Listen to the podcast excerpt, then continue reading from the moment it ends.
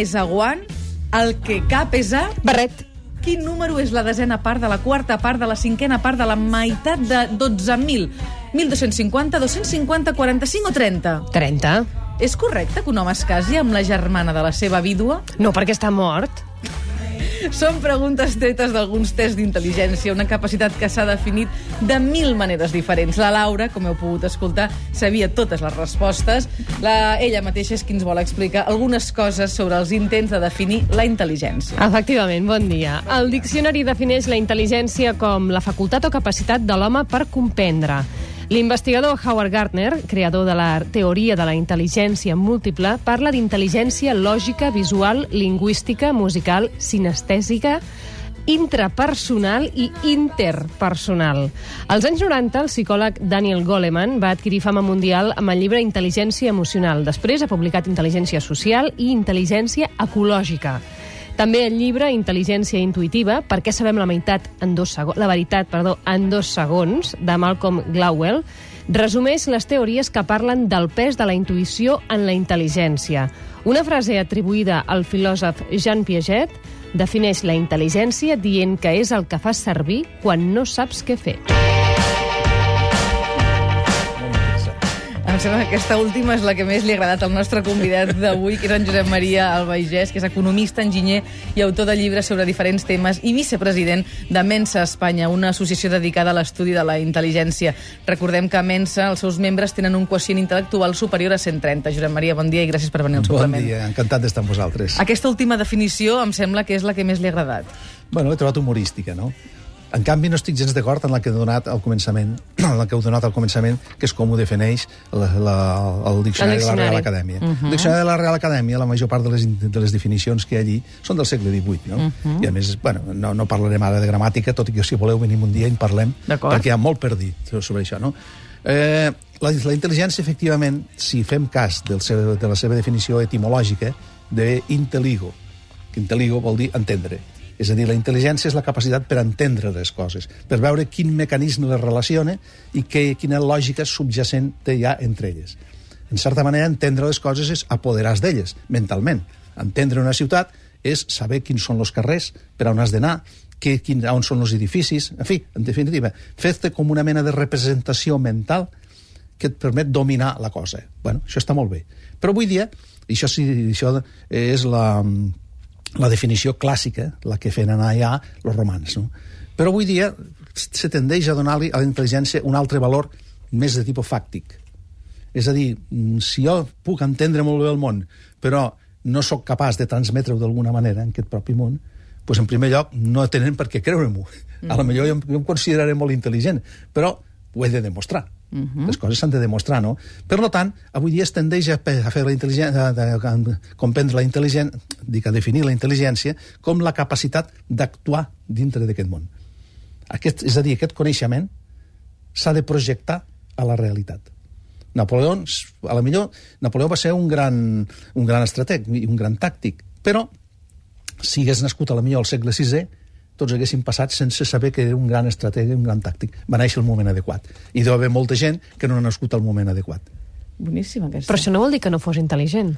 No, clar, ho, ha pogut no. de, ho ha pogut No, demostrar. però No segons diu vostè, si no sabem utilitzar, aquesta intel·ligència, No és com si no ho fóssim. que, clar, que el no saber-la utilitzar, a la millor no és culpa nostra, sinó que estem en un entorn que no és l'adequat per això. Escolta, avui dia hi ha molta gent que són uns, uns genis en informàtica. Si haguessis nascut fa 100 anys, el món no s'hagués enterat. I viceversa. A la millor hi ha molta gent avui que són uns genis, pues, jo què sé, en, en fabricar or, eh, ornaments per les cavalleries, no? Que al segle XIX, pues, hi havia moltes cavalleries, se van poder esplaiar a gust i demostrar la seva sabidoria i el seu savoir-faire. Però avui dia no. Avui dia els pobres s'estaran dedicant-se a una altra cosa. És per això que la intel·ligència emocional, la social, l'ecològica o la intuïtiva avui dia estan agafant molta rellevància? Sí, jo l'únic que, li- que no li trobo adequat en totes aquestes coses és dir-ne intel·ligència. Crec que això és una manera d'enredar la troca. És com quan se parla, per exemple, d'enginyeria d'enginyeria eh, d'enginyeria de comercial o coses així. No? És d'aplicar paraules que, bueno, pues sigui pel prestigi de les paraules, o sigui perquè aquestes paraules transmeten una, una d'això un, un, di- al, al que les escolte una determinada ideologia pues, se fan anar. Però jo crec que seria millor el, el, el Goleman i tots aquests que fessin anar unes altres paraules. De totes maneres, s'ha d'admetre que la paraula intel·ligència eh, aplicada en el sentit que fan anar aquests senyors pues, ha, ha quallat i s'ha agafat. Sí, es pot parlar com d'intel·ligència, però que consti que em sembla que no és la paraula adequada. Més ben diria habilitat, coses mm -hmm. així. Eh? Pel que vostè està dient, entenc que es neix intel·ligent? Bastant. Es neix i es fa. Es neix i es fa. Eh? I precisament en quin aquest... percentatge diria? Jo diria 50-50. Ah, déu nhi Però, vamos... Encara queda esperança, doncs, de fer. Es fa i es desfà, ara m'explicava, eh? Es fa i es desfà, eh? Es fa i es Perquè desfà. ell em deia, jo, jo no, ja no tinc el mateix resultat en els No. testos d'intel·ligència que, que fa anys. No, no, no el tinc perquè, bueno, amb els anys això es va perdent. Què hi farem, no? Vosaltres esteu al moment ideal, òptim, no? Perfecte. Imagina't, Nosaltres ara és quan som més intel·ligents. De fet, es nota, eh? Es nota, es nota. No, expliquem això. O sigui, una persona pot néixer intel·ligent Sí. i després, a través de, de, del seu entorn sociocultural, entenc que es pot fer més intel·ligent o menys Sí, sí, intel·ligent. sí, totalment cert. Tot, com tot. La intel·ligència, en definitiva, són unes habilitats congènites, però que, com, com qualsevol habilitat, si, es- si es practiquen, se desenvolupen molt més bé, molt més. Això com passa... La intel·ligència a mi m'agrada molt comparar-la amb, la, amb les habilitats físiques. No? Una persona pot tenir unes, unes bones predisposicions físiques, pot néixer amb un metro vuitanta d'estatura i pot tenir facilitat per córrer, però si no, si s'entrena, tot això ho farà més.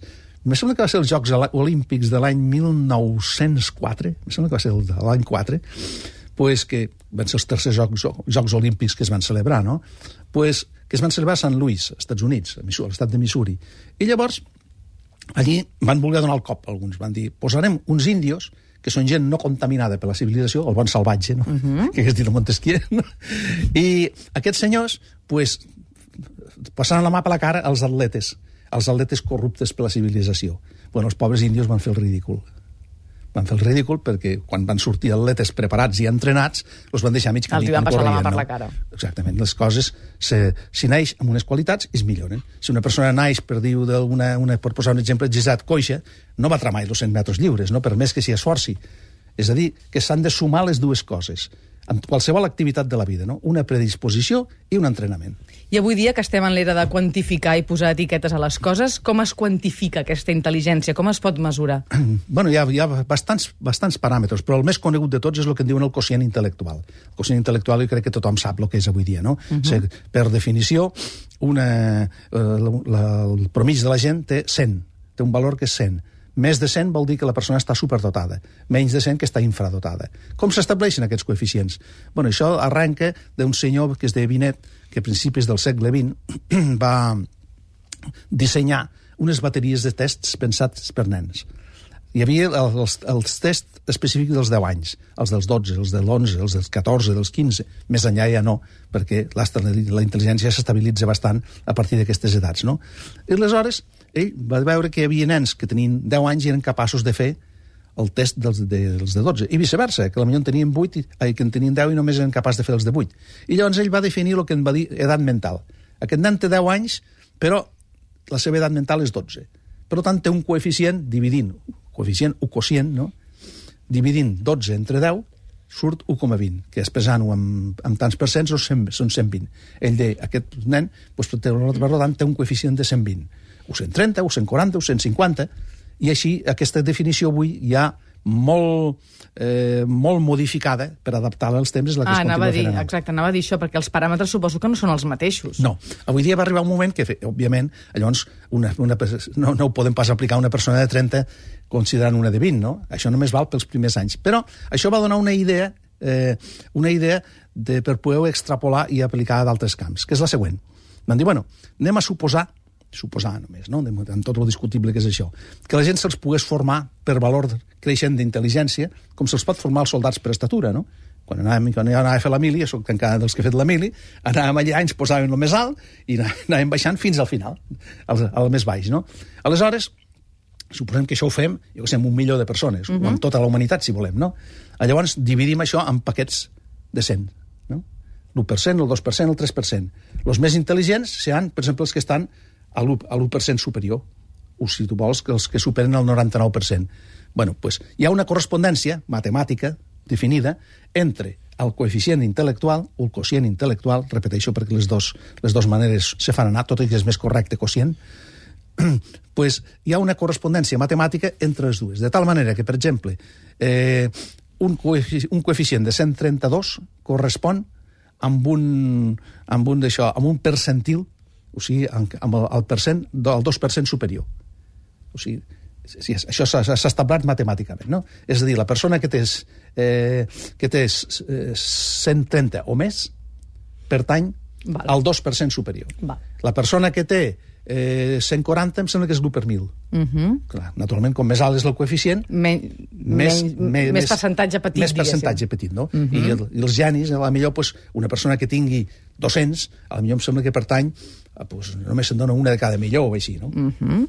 Aquesta, aquest, aquests eh, tests de quocient intel·lectual que tot sovint han estat criticats, mm. molts cops s'ha dit que et pots entrenar Sí, per sí. aquests tests i, per tant, que el resultat que donen a vegades podria ser equívoc, no ser absolutament cert. Clar que si t'has entrenat i has aconseguit ser més intel·ligent, doncs això que tens. O no, o no vol dir això. Sí, bueno, però entrenar no et farà més intel·ligent, te farà amb més capacitat per resoldre tests. Uh -huh. Per això han estat criticats amb tota la raó. Per tant, no I- tenen una fiabilitat absoluta? No, no, no, no, en absolut, eh? I també jo he conegut molta gent, pues que he conegut molta gent que havien superat el test de Mensa i que jo no els hi donaria pas això. A veure, eh, la intel·ligència d'una persona és una cosa una, que nosaltres la observem i la deduïm tractant amb aquesta persona. Segur que tots teniu pues, amics i amigues que els conceptueu, aquest és molt intel·ligent, aquest ho és menys, aquest és ruc de remate, no? Però a vegades són gent I- llegida més que intel·ligent, a no? vegades, aquest és un altre aspecte, no? Una cosa és l'aspecte cultural i un altre és l'aspecte de- d'intel·ligència amb el sentit de la capacitat d'actuar que li hem donat abans, no? D'entendre les coses i saber actuar amb elles. Aleshores, doncs, la, la prova definitiva de la intel·ligència d'una persona l'estableix un mateix a través del tracte amb ella i no un tracte de dos minuts, sinó un tracte pues, de temps, no? de, per- perquè la millor també es dona el cas de que una persona te pot causar una gran impressió al primer moment i després quan la vas tractant dius, pues no. No n'hi havia per tant. Estava enlluernat, no? I viceversa. Passa que a vegades el resultat es necessita a curt termini. Per exemple, estic pensant en una entrevista de feina. Exactament. Bueno, aleshores, doncs, a veure, jo donaré un exemple tret de la meva pròpia experiència professional. Jo soc enginyer i em dedico, doncs, entre altres coses, a dissenyar ponts, per exemple.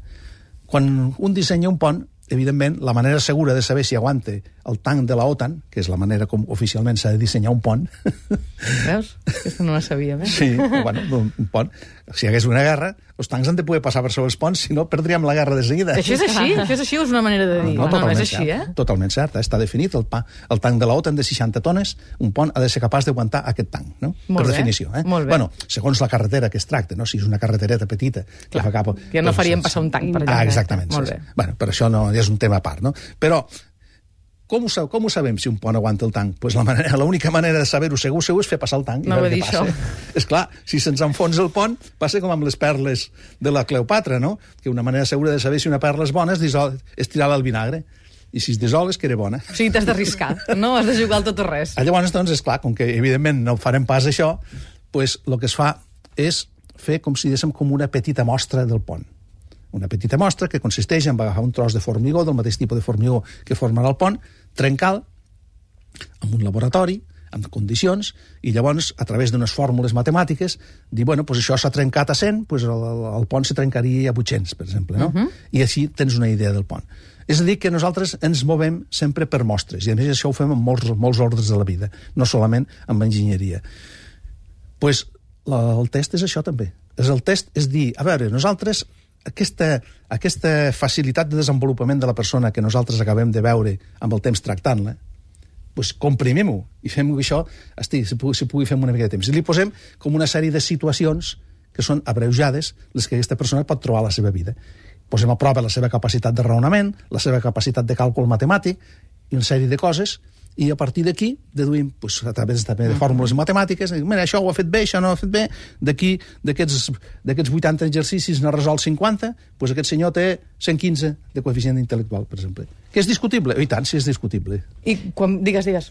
No, I aleshores, quan ja tenim eh, diagnosticada una persona intel·ligent, què fem per no desmotivar-la i perquè no sigui un d'aquests que a l'edat mitjana hauria triomfat perquè era molt intel·ligent fent no sé què i ara no. És a dir, el problema que tenen moltes famílies, no? potser les famílies que ens estan escoltant, és que quan hi han detectat un nen que és realment intel·ligent, mm -hmm. està per damunt de la resta, a les escoles s'acaben desmotivant perquè no estan fent el que amb ell, eh, doncs, el que amb ell li convindria. O sigui, mm -hmm. quina és la solució que es pot donar, no? Bueno, la solució seria per no posar-li perdre cervells. posar un, unes, una educació a la seva mida cosa molt difícil en una societat que l'educació la fa massiva. Mm?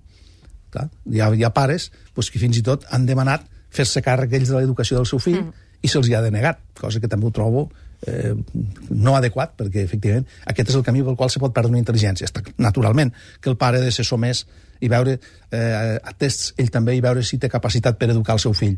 Però per què no s'ha de poder fer això? De fet, el, la, la, d'això, se dona aquest cas de la desmotivació se dona, se dona tot, és totalment cert, i a més a mensa, que pues, allí la gent, per definició, tots tenen un coeficient d'intel·ligència determinat, superior a 130, pues, s'expliquen moltes històries d'aquestes. Ara, també això no ho confonguem amb el fet de que un nen sigui problemàtic i que a partir d'aquí els seus pares dedueixin que, que com que és molt intel·ligent, ah, no, no, no, no. En primer lloc és problemàtic. Que no Després ja veurem si és intel·ligent o no. Però de moment ja teniu aquesta creu, és problemàtic. Eh? Tot això, penso que aquest precisament és un dels temes que haurem de tocar un altre dia amb molta més profunditat, que és la gent que té un coeficient intel·lectual a partir de 130, com mm. és els casos dels socis de Mensa, de qui avui en tenim un excel·lent representant. Jo el convido a venir un altre dia a parlar precisament d'això i potser trencar alguns dels tòpics o a reforçar-los que es diuen al voltant d'aquests nens, sobretot quan són més jovenets, que tenen aquest coeficient intel·lectual superior a 130. Senyor Josep Maria Albaigès, economista, enginyer, escriptor i vicepresident de Mensa Espanya, moltíssimes gràcies per venir avui al suplement i l'esperem un altre dia. Encantat d'estar aquí. Que vagi molt bé, gràcies. Adéu-siau. Adéu, bon dia.